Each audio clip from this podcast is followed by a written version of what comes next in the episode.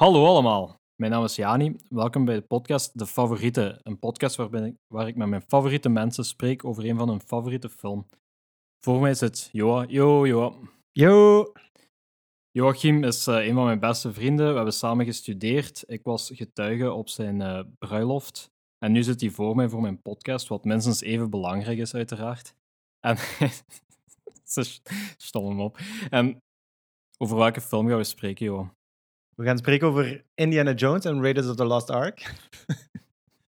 Mopke, flauwe. Eh, over Lost in Translation. Lost in Translation. For relaxing times, make it Centauri time. Mr. Bob Hollis! Yo, kita na, Bob. What are you doing? My husband's a photographer, so he's here working. He wasn't doing anything, so I came along. What do you do? I'm not sure yet, actually. What are you doing here? Getting paid $2 million to endorse a whiskey. The good news is the whiskey works. Help! Can you keep a secret? I'm trying to organize a prison break. We'd have to first get out of this bar, then the city, and then the country. Are you in or you out? I'm in.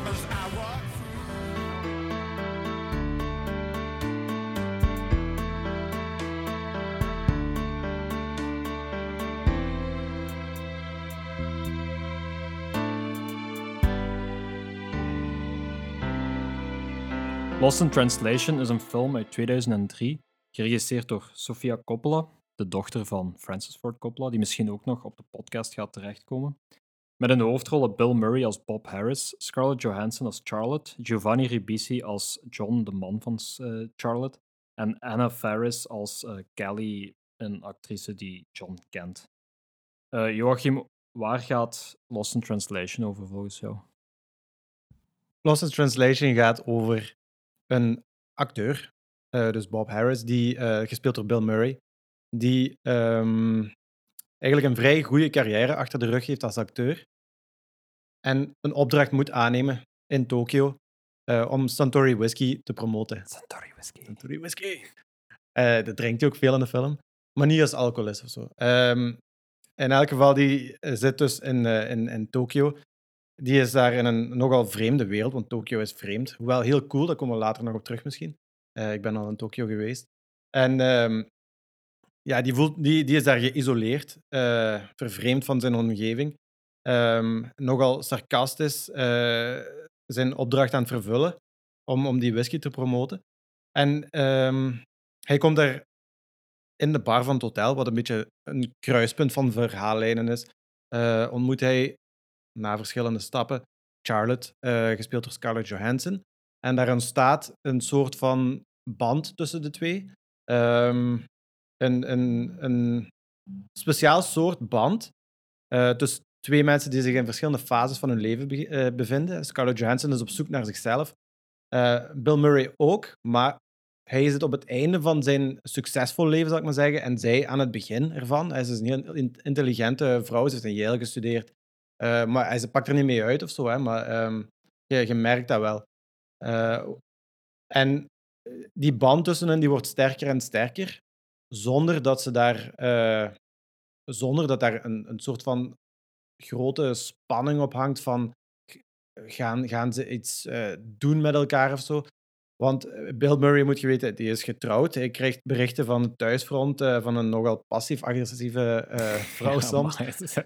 en, uh, en, en zij is daar, Scarlett Johansson is daar met haar, met haar vriend, die, of haar, ook haar man, ja, die is ook getrouwd, uh, die fotograaf is en daar op opdrachten is. En zij loopt dan zo verloren rond. Um, dus ja, er is een soort van spanning. Hè. Je denkt zoals kijker, wat gaat er gebeuren? Um, mag ik ook meteen zeggen wat ik leuk vind aan die film? Of gaat het houden bij de samenvatting eerst? Uh, nee, nee. Ja, oké. Okay. okay, we gaan zelfs terugkomen op het deel ja, wat ik er zo leuk ik vind dat, ik vind dat leuk omdat je een gigantische grote samenvatting geeft en dan IMDb is gewoon zo A faded movie star and a neglected young woman form an unlikely bond after crossing paths in Tokyo.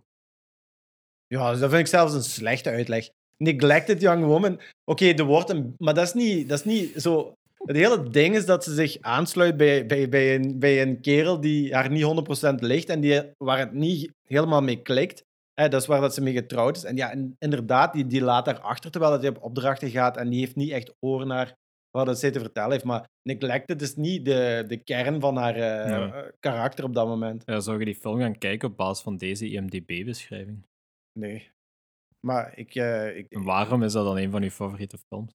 Waarom is dat een van mijn favoriete films? Ja, dat is omdat. Um, ja, dat is echt een heel melancholische film. Waar ik. Ja, ik kijk daar graag naar. En het is een melancholische film die me, die me blij maakt. Um, dus dat is één van de zaken. Tweede punt is dat uh, het zich afspeelt in Tokio. Uh, en het de sfeer van Tokio heel goed te pakken krijgt. Want ik heb die film eerst gezien en ik ben later naar Tokio geweest. En het omvat uh, de sfeer van Tokio heel goed. En dat is iets, iets vrij uniek. En, en dat doet, doet dat met heel sterke beelden. Ik weet niet hoe dat, dat heet in, in, film, allez, in officiële filmische termen. Maar ja, die, die shots die zijn heel mooi. die, die brengen heel veel zaken in beeld die je, die opvallen terwijl je in Tokio bent. Bijvoorbeeld, ja, om, om als voorbeeld te geven. Um, dus dat vind ik heel fijn. Hè? En dan die hele sfeer. Maar vooral ook gewoon... Uh, ja, ik ben ook een romanticus. Het uh, liefdesverhaal tussen de twee. Je kunt het zien als een soort van liefdesverhaal. Maar een liefdesverhaal waarin dat er eigenlijk um, uh, tegen de, de eerder conventionele verhaalnormen ingegaan wordt. En meestal... Dus zoals ik het zie, heb je twee soorten liefdesverhalen meestal. Je hebt een koppel dat samen hoort te zijn. Dat wordt u duidelijk gemaakt, dat wordt er ingeramd bij u als kijker, van deze twee mensen moeten samen zijn, maar ze hebben een hekel aan elkaar.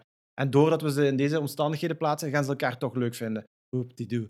En dan het tweede uh, is dat ze samen willen zijn, maar dat de omgeving ze tegenhoudt. Hier is het helemaal anders. Eigenlijk, uh, dat heb ik daarna ook gezien in een, in een, in een interview met uh, Sofia Coppola. Want ik, heb dat, ik had dat nooit bekeken, omdat ik, ja, zal zelf zeggen waar ik nog nooit interviews bekeken had op voorhand. Maar ik had eh, ter voorbereiding van deze uh, podcast had ik een aflevering, uh, een, een, interview bekeken. En zij zei dat zij eigenlijk heel weinig qua, qua, qua plot wilde vertellen, behalve met en vooral een focus op die zeldzame ontmoetingen die iemand kan hebben, kortstondig met een andere mens. waarbij dat er om de een of andere reden een band gecreëerd wordt. Um, en, en, en hoe bijzonder dat dat kan zijn. En, um, en zonder dat er een, per se een vervolg aan gegeven wordt. En, maar dat dat gewicht van die ontmoeting wel blijft doorwegen voor altijd.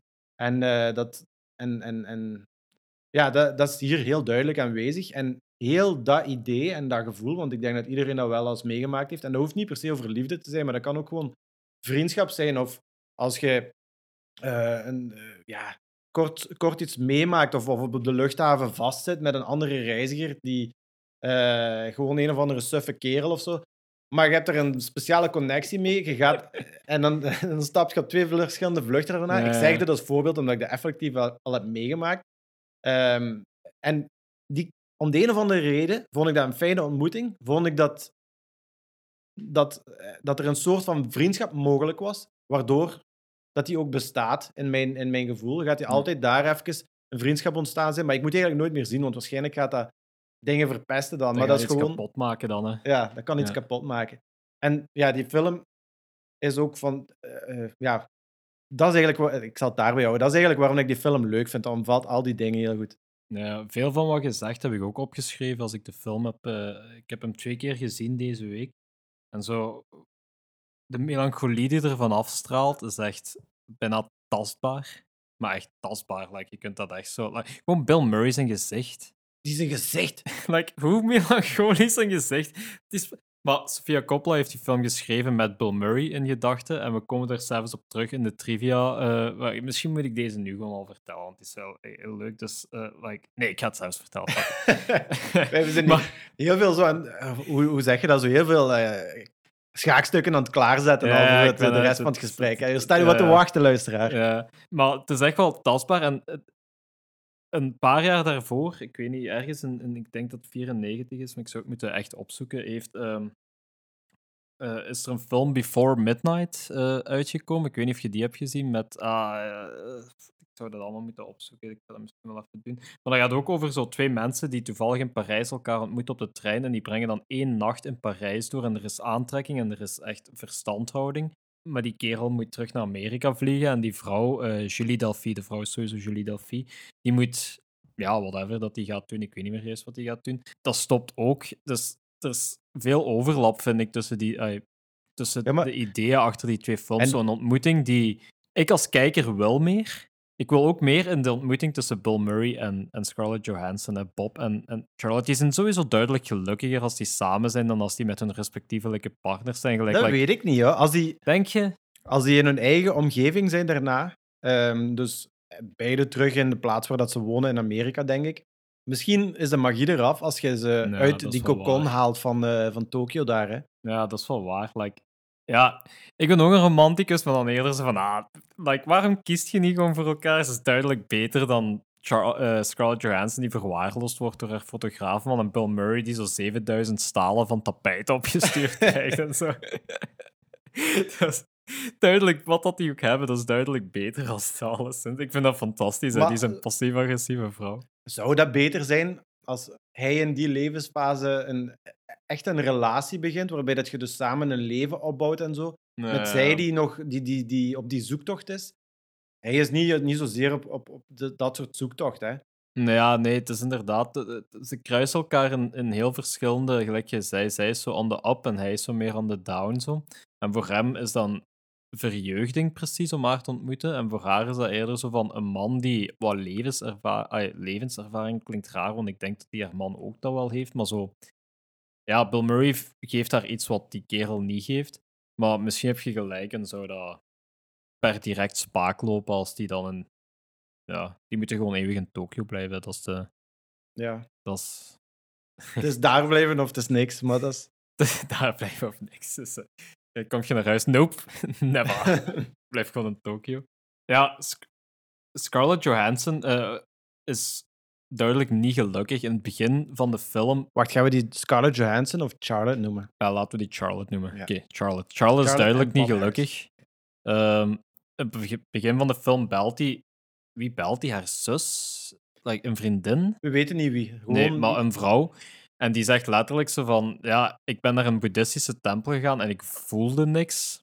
Wat, ja, oké, eh, misschien een indicatie dat hij zich niet zo goed voelt. En die vriend is zo, oh, eh, wacht even, ik heb iemand aan de deur. Hij was hard gaan zeggen. Zo, ja, nee, laat maar, ik ga het niet doen. Maar ja, die, die zit duidelijk in een depressie of zoiets. En, en dat toont hoe geïsoleerd dat die zit in Tokio. Dat, dat versterkt hoe geïsoleerd dat die is. Datzelfde met, ik denk dat de scène daarvoor of zo, Bill Murray, ja, passief-agressieve berichten krijgt van zijn vrouw. En ook, eh, hij, hij- hij belt haar, denk ik.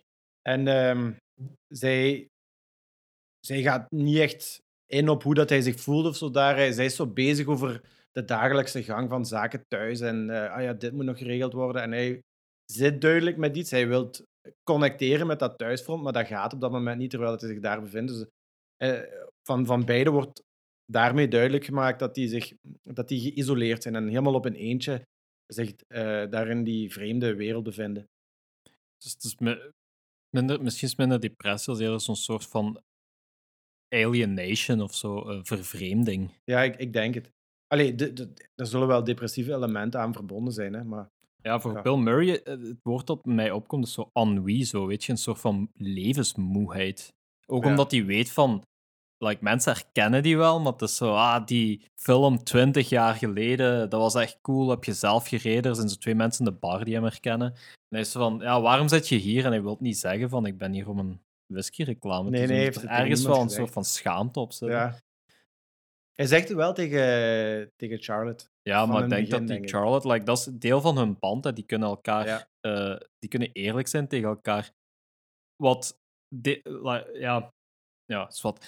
In een deel, op een bepaald moment heeft eh, Bob Harris, Bill Murray's personage, Bob, ik ga die Bob noemen vanaf nu, Bob, dat is een tuffe naam, Bob, die heeft een one-night stand met die zangeres. En ik denk dat zo, op dat moment besefte je Scarlett Johansson eigenlijk echt een goede actrice is, want het gezicht dat die geeft aan de deur, Ja. zit zoveel in, in zo twee blikken die die geeft, dat ik heb zoiets van alle kritiek op feit of dat een goede of slechte actrice is, is uit out the window, want die twee blikken doen het helemaal voor mij. Daar zit alles in zo van, Hmm, waarom zeg je dit niet? Tot, ik had dat misschien ook wel gewild met u, tot, wat voor een is het? Ja, er zit zoveel in, dat is echt crazy. Ja, de, even, eh, Scarlett Johansson act- acteert supergoed in die film. Hè. Ja, die is 18 jaar. Ja.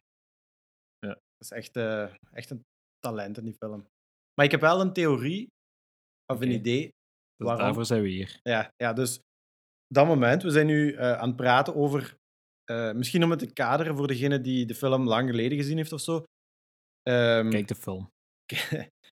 je hebt, eh, ehm, in de eerste helft van, het, van de film is er een soort van opbouw van die ver- vervreemding en, eh, en, en het isolement. En een eerste ontmoeting en zo al.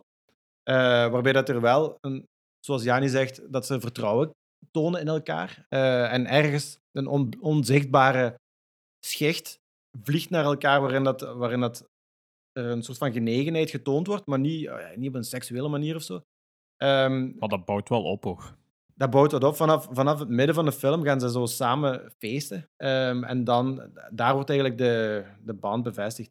En dat bouwt feller en feller en feller op die band. Hoeveel dat ze zich comfortabel voelen met elkaar en, eh, en, en, en op dezelfde golflengte zitten in, in, die, in, in, in Tokio.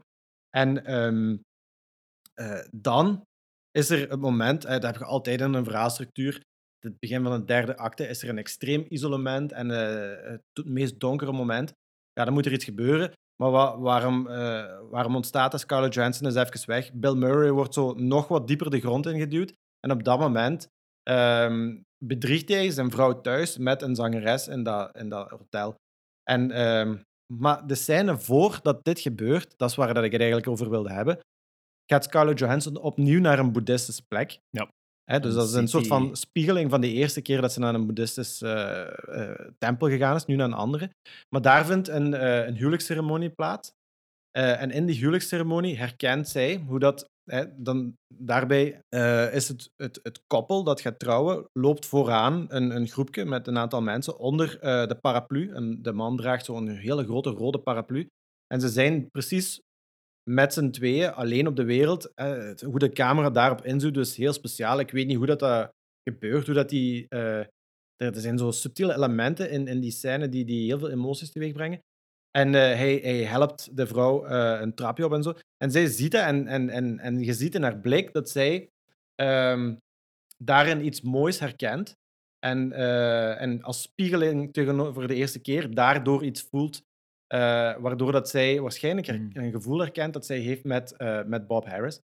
Ehm, en dan de volgende scène eh, staat ze aan zijn deur en ja, wil hij niet toegeven dat hij het fout heeft gedaan. Hij heeft zijn, vrou- eh, heeft zijn vrouw bedrogen. En terwijl dat hij eigenlijk een soort van onuitgesproken overeenkomst met haar zou hebben, met, met Charlotte dus, dat, dat, dat er een, een speciale band aan het ontstaan is, maar dat ze die niet aan het eh, bevestigen zijn op een soort van bedriegende manier.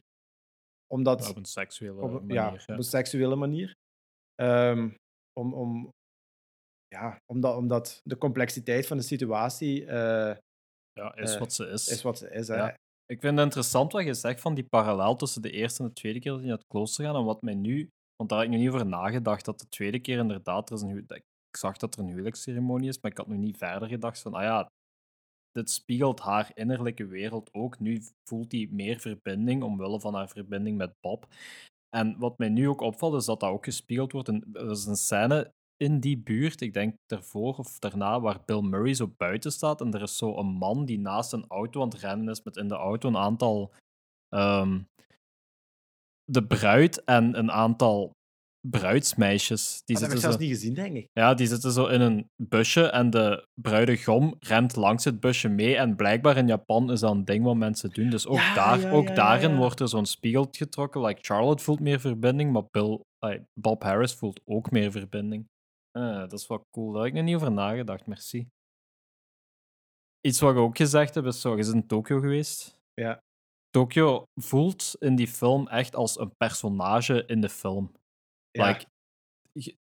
Er wordt echt veel aandacht gegeven aan zo. Dit is Tokio. Tokio is een speciale plek waar veel weirde, weirdness is, maar ook veel dingen kunnen en ook veel dingen gebeuren. Allee, ik zeg maar iets, er zijn zo. heel veel kleine vignetjes. Omdat je, eh, en dat, dat komt wel terug. Je zegt zo, Sofia Coppola wou niet te veel verhaal erin steken, behalve zo het, de willekeurige ontmoeting die de rest van je leven bij gaat blijven. Maar betekent dat zo momenten dat Charlotte alleen rondwaalt, heb je zo precies zo een vignetje van live in Tokio. Die gaat bloem schikken. Die Ja. gaat naar een boeddhistische tempel. Die gaat naar een andere tempel. Ik weet niet wat het verschil is tussen die twee tempels, maar die gaat naar daar.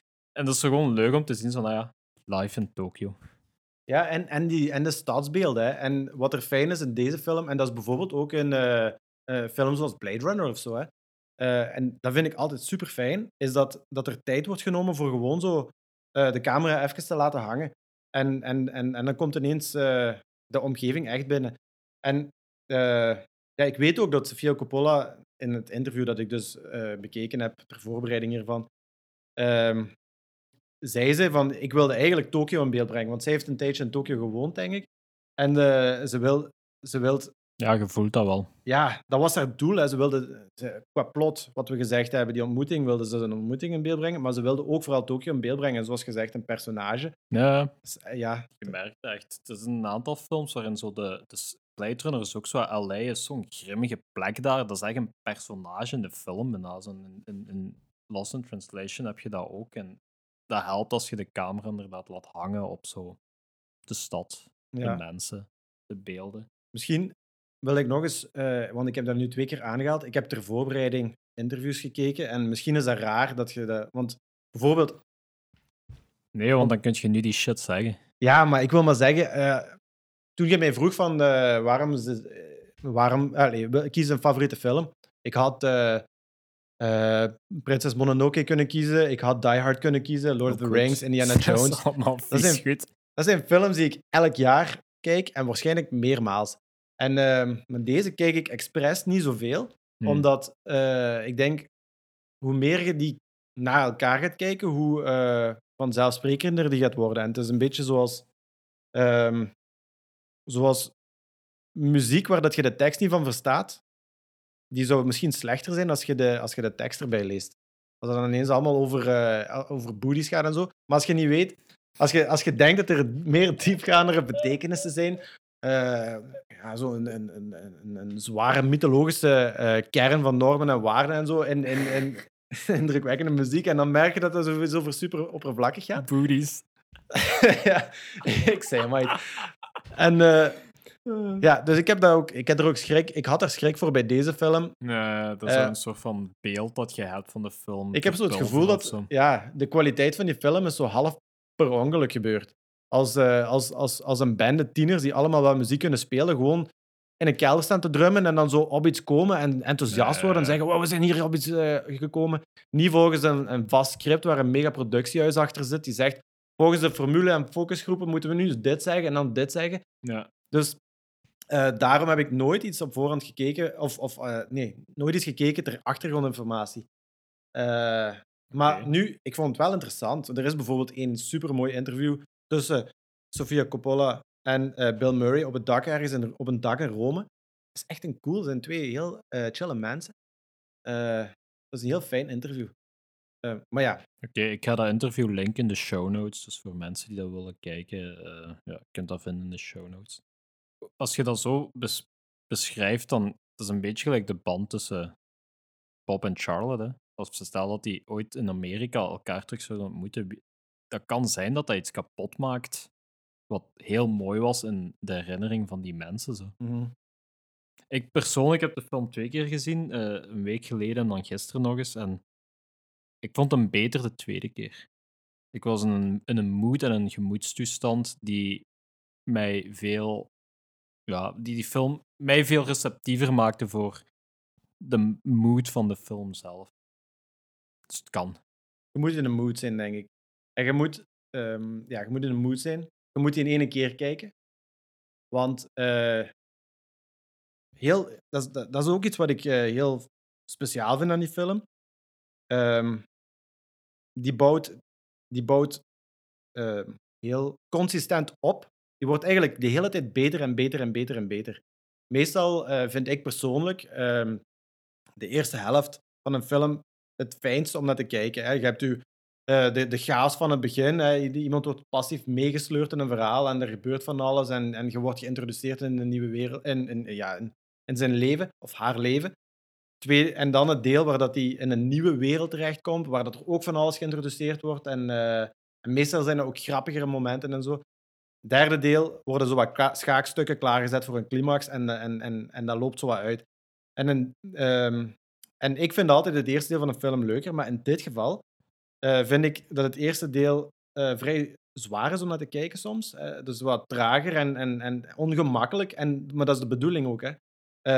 En beetje bij beetje, als, als de stappen gevolgd worden en, en de verschillende ontmoetingen, wordt er duidelijk opgebouwd naar iets dat niet beantwoord kan worden, omdat ze allebei zo vrij sterk zich aan hun waarde houden ook. En, ehm, en dan op het einde, helemaal op de laatste scène, komt alles eh, emotioneel samen. En dat is zelfs geen complexe verhaallijn of zo. Je moet niet eh, een blad papier pakken om, om, eh, om, om verhaallijnen samen te proberen knopen of zo. Maar het is wel achteraf gezien, als je erover nadenkt, moeilijk om op vlak van menselijk inzicht en welke psychologische, emotionele processen hebben zich plaatsgevonden, om dat allemaal te definiëren. Net omdat het zo natuurlijk gebeurt. Denk je dat eh, die mensen blijer naar huis gaan dan dat ze aangekomen zijn? Ik ben altijd blij naar die film, maar ik weet niet of dat geldt voor iedereen. Ik, omdat ik dat soort eh, interacties leuk vind, ook met mensen. Eh, ik vind het leuk als iets afgesloten is en dat ik dat altijd bijhoud. En dat ik dan, dan voelt het leven gewoon rijker aan. Maar als je iemand bent die bijvoorbeeld moeilijker afscheid kan nemen, of kunt nemen, of, of ja. Ja, nee, maar ik, ik, ik snap je. Ik, ik, ik vind dat soort interacties ook heel fijn. Zeg, je zit op een bus en je ontmoet iemand en voor die busrit is dat zo je beste vriend en je diepste, eh, diepste vertrouweling. En na die busrit ziet je die niet meer, maar je hebt wel altijd die busrit. Zo. Ik ben wel blij dat op het einde Bob en Charlotte nog zo toch even zo Ja. een knuffel delen, weet je. Dat is het minste dat die mensen mogen like, aan intimiteit... eh, Maar dat, dat is wat ik bedoel. Die film vind ik, ik. Ik zou die. Stel, nu geef ik die omwille van een paar foutjes hier en daar. Foutjes. Dingen die me minder liggen, zou ik die een 9,5 geven. op Moest 10. die- op 10. Voor mij persoonlijk, hè. Ja. Moest. eh, moest eh, ja, ja, ik zou dat niet doen. Ik zou die. Als je film technisch of zo gaat analyseren, zou die waarschijnlijk op punten verliezen. Maar ik bedoel gewoon voor mij persoonlijk hoe die binnenkomt. Maar moest die laatste, die allerlaatste scène, eh, gewoon, ja, is dat zelfs een scène? Gewoon dat laatste stukje waar dat hij naar haar toe stapt, nog eens in haar oor fluistert, knuffel geeft. Moest dat er niet gebeurd zijn, dan zou die op 7,5 zitten of zo. Ja, omdat hij niet afgewerkt is. Dat is zoals wanneer dat je, eh, je, zit aan, je zit aan het dromen en je wilt de hele tijd iets heel belangrijks zeggen. En dan word je wakker en dan zeg je het en dan denk je, fuck, had ik dat maar in die droom gezet? Ja, gezegd. Ja, hier is hetzelfde. Je zit de hele tijd zo, je hebt schrik van, ah shit, we gaan daar eindigen. Maar ze zeggen het. En ze zeggen het. Ze dat- zeggen het. ja. Wat ik ook wel leuk vind aan het einde is dat Bill Murray zit te praten met zijn Japanse, eh, wat, hoe noemt hij het? Entourage, eh, zijn bodyguards. En er is opnieuw zo'n vrouw die hem herkent. Ja. En dat is een spiegeling van zo de eh, dingen, maar deze van de one night stand met die zangeres. Maar nu stapt hij per direct bewust weg. Zo van nee, ik wil even met. Mhm. Like, ik, ga dat niet eens op, ik ga dat niet opnieuw doen. Zo deze. Ja, ik, vind dat heel, ik vind dat heel leuk Ja. als je van dit soort films houdt en ontmoetingen die zo niet kunnen duren, en blij, dan moet je misschien maar Portrait de la jeune fille en feu kijken, waar ik toevallig ook een podcast over gedaan heb. maar dat gaat ook daar rond. Dus Ah, ja, ja, ja, misschien Ik ga zeker, zeker eens checken. kijken. Ik ga al die films kijken die erop komen. Als dat allemaal nice, beste films zijn. eh, Eh, ja, dus kijker, kijk Lost in Translation. Het is echt, eh, Joa geeft dan 9,5 op 10. Wat zijn er dingen in de film die u minder liggen? ehm, ja, dus nu, we zijn wel volle bak spoilers het geven. Dus ik hoop dat mensen de film op voorhand gekeken Ja, hebben. dat is dikke pech. Echt. Like, dit is een podcast over film. We gaan dingen spoilen. We gaan Ja, dat is waar. de- anders er beating- eigenlijk niks te vertellen the bush. Zo, weet je, eh, ja, Bill Murray is... Op, op minuut 73 gebeurt er iets. Ja, amai, ja. Ja, ik weet het, ja, nu zegt hij het. Oh ja. Eh, Yes, ja, eh. dus, dus het, het gedeelte wat mij het meeste tegenstak, en ik snap waarom dat, dat gebeurt, hè, maar wat me tegensteekt is die, eh, het feit dat, dat hij Charlotte bedriegt en zijn vrouw bedriegt met die, met die zangeres. Mhm. Ik vind dat. Ik, ja, ik had het al eens aangehaald. Ik vind dat. qua, qua scenario schrijven snap ik het. Ja. ja, dat is gewoon. een- bijna een regel, een scenario schrijven. Je moet, iets, je moet vlak voor die... Ja, ze moeten in een crisis belanden in het Ja. begin van de derde act. En eh is het isolement. En uit het isolement komt eh, het, het donkerste moment. Zo. Eh, ja, maar ik denk dat ze het iets anders hadden kunnen invullen. Ehm, eh, ook, ja, ik weet het, het, het brengt al die reacties teweeg, maar ik, ja, er moet iets anders zijn. Ik heb nu, ik denk, ja, je zou kunnen vragen, wat zou een ander idee zijn? Daar moet ik, zou ik over moeten nadenken. Dat kan ik niet. Nee, maar dat vraag ik niet, want we, allee, ja. het is moeilijk om zo, weet je, film maken is een super ingewikkeld proces en ik ga niet pretenderen dat wij beter zijn dan Sofia Coppola en de mensen die aan die film gewerkt hebben, maar ik snap wat je bedoelt. Het is een makkelijke eh, scenario gewijs ja. voor de schrijvers de makkelijke manier om in die crisis te belanden. Ja. En misschien ook een logische, eh, I don't know. Zou het interessanter geweest zijn als zij in bed waren beland, dus Bob en Charlotte, en dat de crisis daar rond had gedraaid voor de verloop van de film? Van oké, what the fuck, eigenlijk hadden we dit niet moeten doen. Wat doen we hier nu mee? Zo? ja, maar dan hadden ze, Dat was een andere film geweest natuurlijk. ja, dan, zou- dan, dan zou eh, heel, heel het einde anders aangevoeld hebben. Want dan hebben ze, ja, dan hebben ze de maagdelijkheid doorbroken en die kun je niet opnieuw ons, eh, Nee, nee, daarom. Nu moet je omgaan met wat je gedaan hebt natuurlijk. Het, is, het zou gewoon een compleet andere film Ja. geweest. Ik ben blij dat ze dat niet hebben gedaan. Ja, want dat, dat, zou, dat zou het ook meer typisch gemaakt hebben. Dat zou het weer... Dat, want dan heb je een verhaal van... eh, dan, het vraag, de- wat je dan krijgt is... Ze, ze hebben het, eh, de, de relatie bevestigd, maar ze mogen niet samen zijn. En dan krijg je, de, dan krijg je het cliché weer. Ik heb letterlijk opgeschreven, zo, deze mensen, waarom kiezen die niet gewoon voor elkaar? Die zijn duidelijker gelukkig samen, dat we gedeconstrueerd. Dus eh, like, we weten niet zeker. In mijn hart wil ik denken dat die gelukkiger zouden zijn samen voor hetzelfde geld. Like, zijn daar allebei klootzakken, I don't know. Maar het is ook zo, mensen, Toxisch voor elkaar. mensen zijn, zijn, zijn, ehm, ja, zijn een beetje anders waar ze ook zijn. Hè. Dus eh, misschien zijn ze niet gelukkiger samen als ze zich op een andere plaats en een, een andere activiteiten bevinden. hè. Ja. Een van de dingen die eh, ik wat moeilijker had, zeker de eerste keer dat ik keek, was de, de, de pacing van de film. De film is traag. En als je daarvan houdt, is dat goed, maar ik was op dat moment niet in de, in de mood voor zo'n trage film. Ik denk ook dat zo de relatie tussen zo Scarlett en haar man, dat dat like, beter uitgewerkt had kunnen worden. Want nu is het gelijk gezegd, van in de E IMDb-dingen staat een neglected wife. En die is niet per se neglected, maar die hebben zo'n raar... Like, ik snap niet wat, wat zij met hem doet. Ik snap niet waarom dat die getrouwd zijn. Like, op een bepaald moment zegt hij ook, ook in, aan de telefoon van ja, John is wearing hair products now.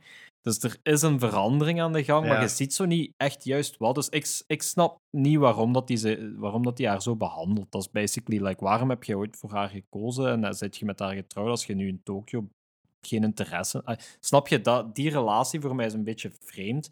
Wat betekent dat als zo die actrice, hoe heet ze, Kelly, ertussen komt en die... Ik weet niet wat dat daartussen speelt. Zo, ah, you're my favorite photographer, I only want you to take my pictures. Voor mij is dat zo van... "Eh, wat, is dit allemaal? Dat komt ook zomaar uit het niks. En dat is omdat de relatie tussen Charlotte en John voor mij een beetje onduidelijk is. Maar ik denk dat het, de be- ik denk dat wel de bedoeling is dat die relatie onduidelijk is. Hè. Ze zijn waarschijnlijk te vroeg getrouwd. Ehm, eh, hij, is, hij is van alles eh, aan, aan het ontdekken in het leven. Zij niet. En ze vindt het frustrerend. Ja. Eh, maar het punt- Philosophy majors, hè. Hm? Philosophy Ja, majors. philosophy majors. hè. Dat zijn, die hebben hetzelfde als anthropology majors. Dat is echt... En oh, shit. We willen alles. We kunnen niks. Je Ja. denkt dat dat expres onduidelijk ja, ja, zou ja, is. ik denk En- het. hè. Maar verhaal technisch of, met, of, zo van, oké, we gaan daar niet te veel aandacht aan schenken, want de aandacht gaat dan vooral naar Bob en Charlotte. De aandacht Maar- moet niet naar John en Ja, Charlotte. de gaan. aandacht moet er niet naartoe gaan, want er zijn de, de boodschap is heel duidelijk daar. Dat, neem nu bijvoorbeeld wanneer dat, eh, ehm, hij wanneer dat haar man praat met die actrice en ze is zo wat aan het lachen. En hij heeft zoiets, hij, hij reageert er zo wat schuldig op bijna en hij wil zijn arm rond Charlotte leggen. lachske. En dan, eh, Charlotte... eh, Trekt zich terug, Ja, ja. trekt zich terug. Hè. Die heeft zoiets van, nee, nee, nee, nee. Ja. Eh, dat is zo'n vreemd lachje wat Giovanni Ribisi dat is zo.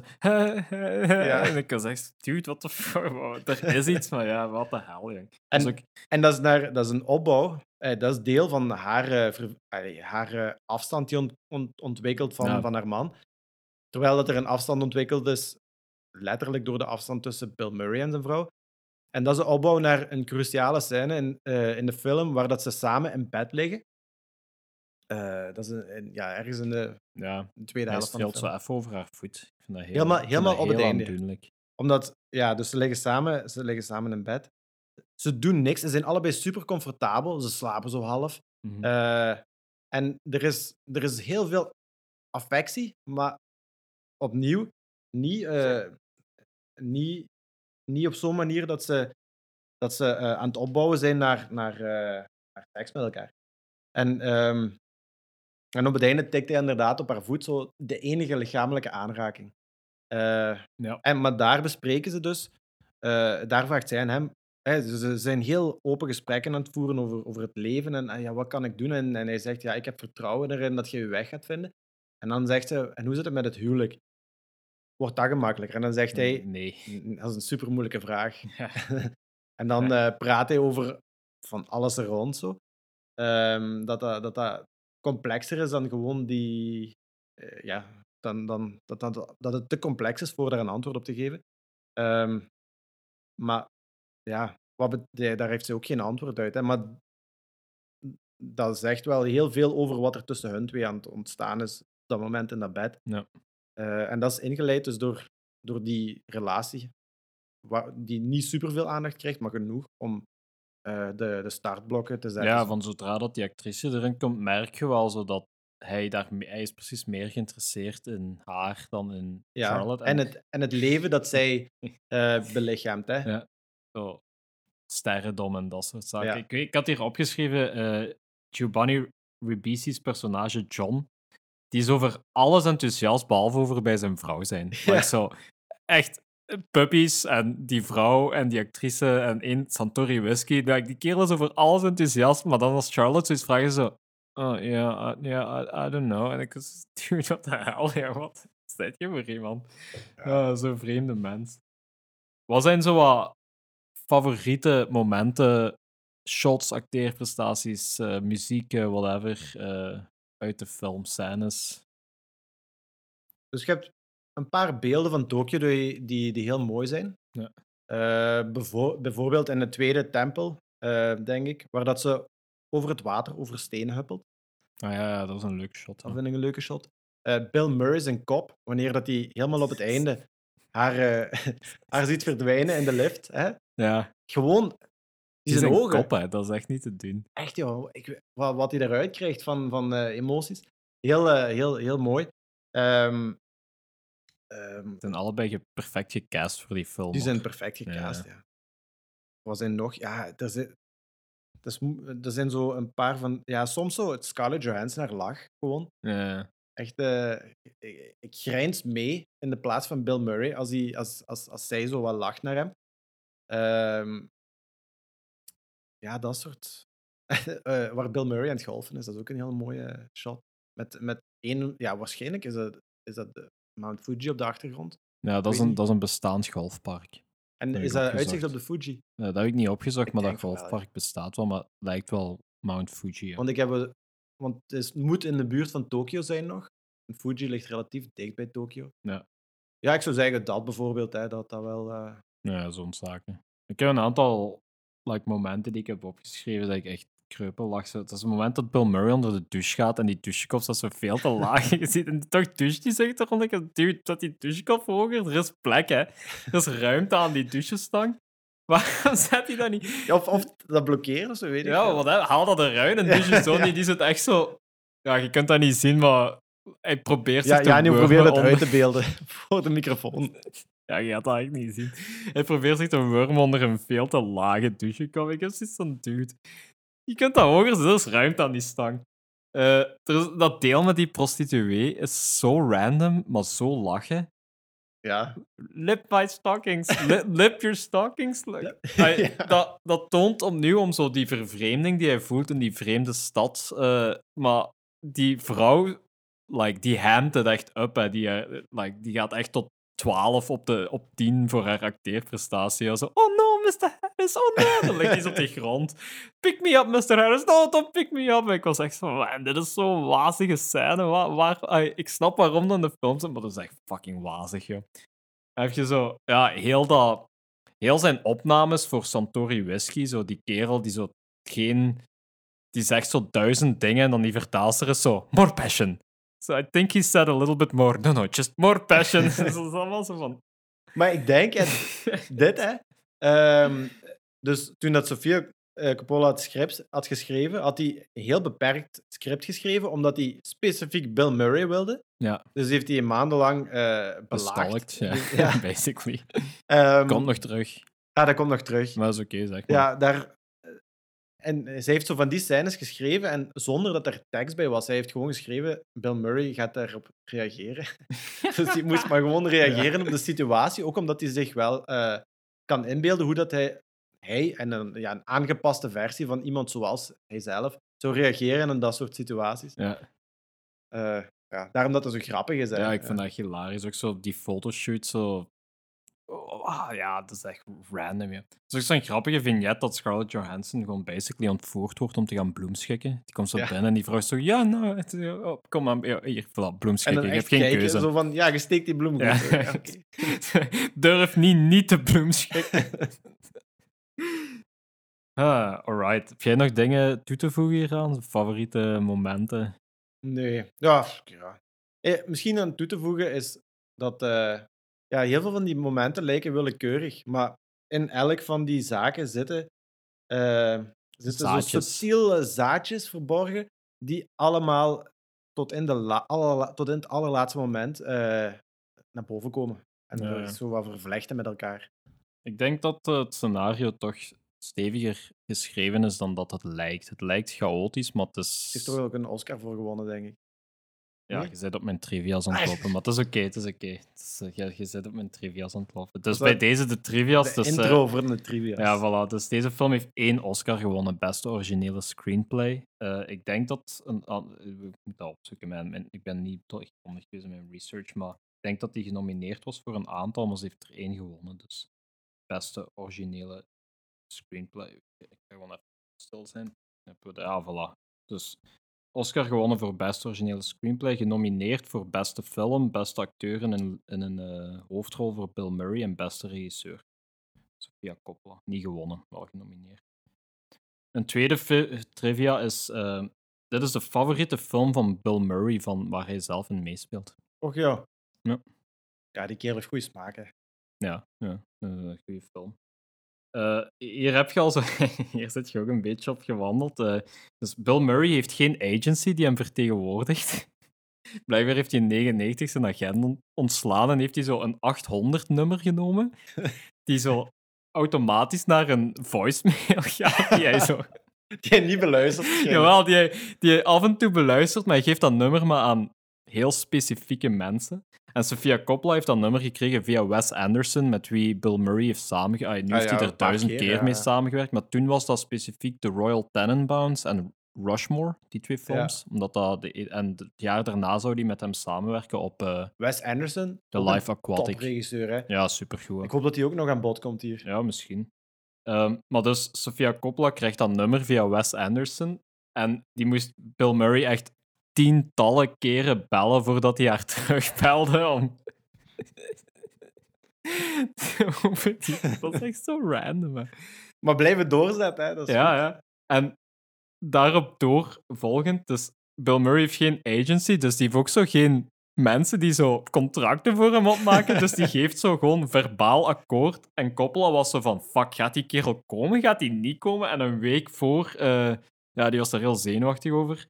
En Wes Anderson zei ze van, nee, nee, Bill Murray is een man van zijn woord. Als hij zegt dat hij dat gaat doen, dan gaat Ja, hij dat gaat doen. en ja. effectief een week voor het filmen stond hij in Tokio plotseling en was het oké. zo. maar stel je voor, zo de hoofdrolspeler van die film. Zo, ja, waar is Bill Murray? Die heeft gezegd dat hij gaat komen, maar... Wanneer? Zalig. Ja, dat weet ik niet. Dat heeft hij niet gezegd. Ja, dat is, dat is, dat is nice. Maar dat, Bill Murray is echt gewoon Dat is wel echt zoiets wat Bill Murray... Like, ik vind dat ook niet vreemd om te horen of zo, weet je. Nee, en ook het feit, hij, hij, dat, dat hij wel bekend is in, eh, in die omgeving en dat hij goede connecties heeft met mensen zoals Wes Anderson. En die, als, die, als die zeggen, vertrouw erop, dan kun je erop vertrouwen, denk ik. Ja, voilà, via via komt dat wel, eh, komt dat wel terecht. Zo. Maar daarom opnieuw ook weer. eh, dat, was, ja, dat was een film met. eh, ik weet niet hoeveel dat, de- dat die film gekost heeft. Niet zoveel. Deze film, Ja, 6 miljoen of 4 miljoen. dat is relatief weinig, alleszins. Ja, ja Er zeker. zit geen groot productiehuis achter. Nee. Wel Ja. 120 miljoen verdiend van de box office. Dus. Ja, dat is mooi gedaan. Hè. Maar er zat geen groot, geen groot productiehuis. Like het productiehuis van, zijn, van haar vader. En haar vader was Francis Ford Coppola. Ja, is nog ja maar ja, Francis die, die zegt: doe wat je wilt. Ja, Maar ja. die zegt niet van. Oeh, je hebt, eh, Bill Murray heeft geen contract getekend. Dan moet je iemand anders zoeken. Nee, Ja. die zegt. Ja, nee, die, ja. die had, ja, nee, ze had, had, ze had artistieke vrijheid. Hè. Dus Ja, onder de vleugels van haar Daar vader. kun je echt veel meer mee doen. Hè. Met- Als, als... Ik heb, Ah. ja, tegenwoordig zie je zoveel films, vind ik, die allemaal door dezelfde molen gaan, precies. Ja, ja, het studiosysteem nu is zeker met zo de opkomst van Marvel-films. Marvel, ja, dat, echt, ja. like, zeker zo films moeten echt hebben heel veel inmenging van, van de studio die die maakt. Ja. Eh, films zijn ook gewoon fucking duur. Ik snap wel dat een film die 200.000, 200 miljoen euro kost, dat is van.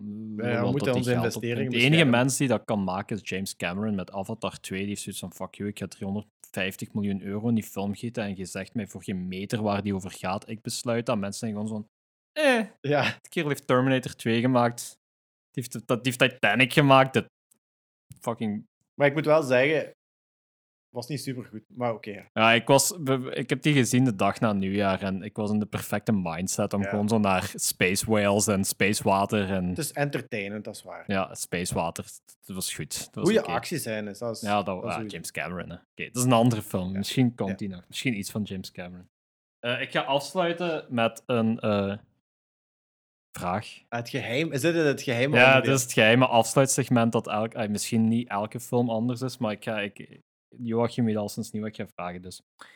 Joa, als je één activiteit uit de film mee zou kunnen doen, welke zou je dat doen? Je hebt keuze ik heb hier een aantal dingen. hè. Dus Oké, je hebt de karaoke waar die in belanden. Ik denk dat dat bij die ene eh, John, nee, die, die ene dude zijn thuis is, eh, die wat zo van, op, die dude van Snoopy lijkt. Daarom noemen ze die, hoe heet die dude van ah, Snoopy? ja, ja. Eh, ik ben even. Ja, Charlie Brown. Why do you call it Charlie Brown? Say, ah, I look like Charlie Brown, man. Dus karaoke bij die zijn thuis. bloemschikken met Scarlett Johansson. Ah, niet met, gewoon bloemschikken. Ah, maar zij is er niet bij, dat is wel Nee, een zij is er niet bij. element. Nee, je, moet gewoon, je wordt ook ontvoerd door zo'n random Japanse dame. Je moet gewoon bloemschikken. Je hebt geen keuze. Die bar met al die bollen waar die zo weggejaagd worden met die BB-guns. Is dat Charlie Brown er ook niet? Ja, daar zit Charlie Brown ook. Die zijn een paar van die dingen hoor. Dat boeddhistisch klooster. De tempel waar dat die trouwceremonie is. Ik ga dat nu tempel noemen versus boeddhistisch klooster waar zij alleen is. Boeddhistisch klooster is de Ja. eerste. Ja, of de arcade. Dus je hebt Oeh, de bar met de BB-guns, de karaoke bij Charlie Brown thuis, het bloemschikken, het boeddhistisch klooster, de tempel met de trouwceremonie of de arcade. ja, wacht. Hè. Nu, ik ben aan het twijfelen onmiddellijk tussen twee. De arcade, omdat dat gewoon, ja, dat, dat was fijn. Ehm, Maar kijk, dat heb je al gedaan, effectief. In, Ik- in Tokio. ik heb al die dingen gedaan in Tokio. Dus, ehm, Ik was vergeten dat je in Tokio was. Deze vraag houdt zo weinig steek in het feit dat je al die shit gedaan hebt. ik, Allee. wacht hè. Ik, Jeez. dat hangt er vanaf van wat voor bui ik ben. Maar ik zou, wacht, een arcade is, is, dat is fijn voor even. Ja, dat is entertainend. Eh, en dat is, eh, dat is wel grappig. Maar ik zou, ik zou voor, ehm, wat was dat, dat, dat tweede boeddhistisch klooster gaan, of de tempel, waar dat die twee trouwen. Ja. Omdat, ja, ik ben antropoloog. Ehm, ik, ik ben ja, geïnteresseerd in andere culturen, religies, eh, rituelen ehm, en zo verder. En ik kan er altijd wel eh, heel, heel fel in blijven hangen als ik op dat soort locaties ga en, en, en eh, zwaar over doordenken en dan een, en dan, en dan een plan maken voor een volgend boek te schrijven. En ehm, Ziet er ook al een mooie treinrit uit naar daar. hoor. Die En treinen een mooie, zijn- mooie plek gewoon waar, waar die ja, ja, maar als je zo'n eh, zeker de Shinkansen-treinen, die gaan zo, die zijn net iets boven het landschap gebouwd over het algemeen. Dus als je door, door het land jaagt, wat heel groot is en hoge snelheden, zie je heel veel. Dat is een plat land. Eh, en die bergen die schieten eruit, maar ze bouwen niet eh, op de bergen of op de heuvels, omdat dat meer eh, goddelijk domein is tegenover het platte gedeelte wat dan volgebouwd wordt. Ja. Ehm, maar ja, dus die, ik, ik zou voor, voor ja, ik weet niet of dat een Shin- Shintoïstische of Boeddhistische tempel was. Maar in elk geval, ja, dat zijn interessante combinaties van religies daar en invullingen ervan. Dus ik zou dat kiezen. De tempel. Ja, en dan Ja. kan ik ook over die stenen springen over het water. Ah ja, dat is waar. eh, Dat is waar. Misschien is dat wel de reden om te gaan, eh, los van alles wat je net zei. Alright. Dus, merci, joh. Dat is het einde van de rit, van de treinrit naar die tempel. Ehm, ehm, waar kunnen mensen u vinden als die u willen vinden? In persoon ga ik dat niet zeggen. Maar wat wel mogelijk is, is ehm, in de toekomst. Hè, ik, heb, eh, ik heb dus zelf een roman geschreven. Dat heet Geheugenklei, Scoop. En eh, ik, ben dat, ik probeer het nu te verkopen aan uitgeverijen die daar helaas eh, die daar heel weigerachtig tegenover staan. Maar ik ben eh, daar nog aan bezig. En misschien gaat die ooit uitkomen binnen een, eh, een jaar of twee of zo. Als dat niet uitkomt, dan zal, zal het voor een volgend boek schrijven. Want ik eh, ben van plan om er nog meer te schrijven. Alright. Ehm, dus daar misschien ooit. Blijf eh, zeker luisteren om misschien ooit Joas een boek release te horen. Dan gaan we die opnieuw op de podcast vragen. Sowieso. Zeker. Dan kan die zeggen: Je kunt mijn boek vinden op bol.com of Emme, standaard boekhandel of overal waar dat je boeken verkoopt of koopt. Merci Johan, merci voor het fijne gesprek. Ja, het was heel fijn om eh, hier aan deel te nemen. Dat is mijn eerste podcastaflevering. Ja, leuk. Eh, eigenlijk is dat zoals een gewoon gesprek, maar dan... Maar ja, het is basically gewoon wat we altijd doen, maar dan met micro's tussen onze neuzen. Ja, en is goed. één specifiek onderwerp. en één specifiek onderwerp. Alright, merci luisteraars eh, voor het luisteren naar eh, de favorieten. En ik hoop dat jullie de volgende keer er opnieuw bij zijn. Merci Johan. Ja, oké, ook bedankt, Jan. Alright, ciao allemaal. Ciao.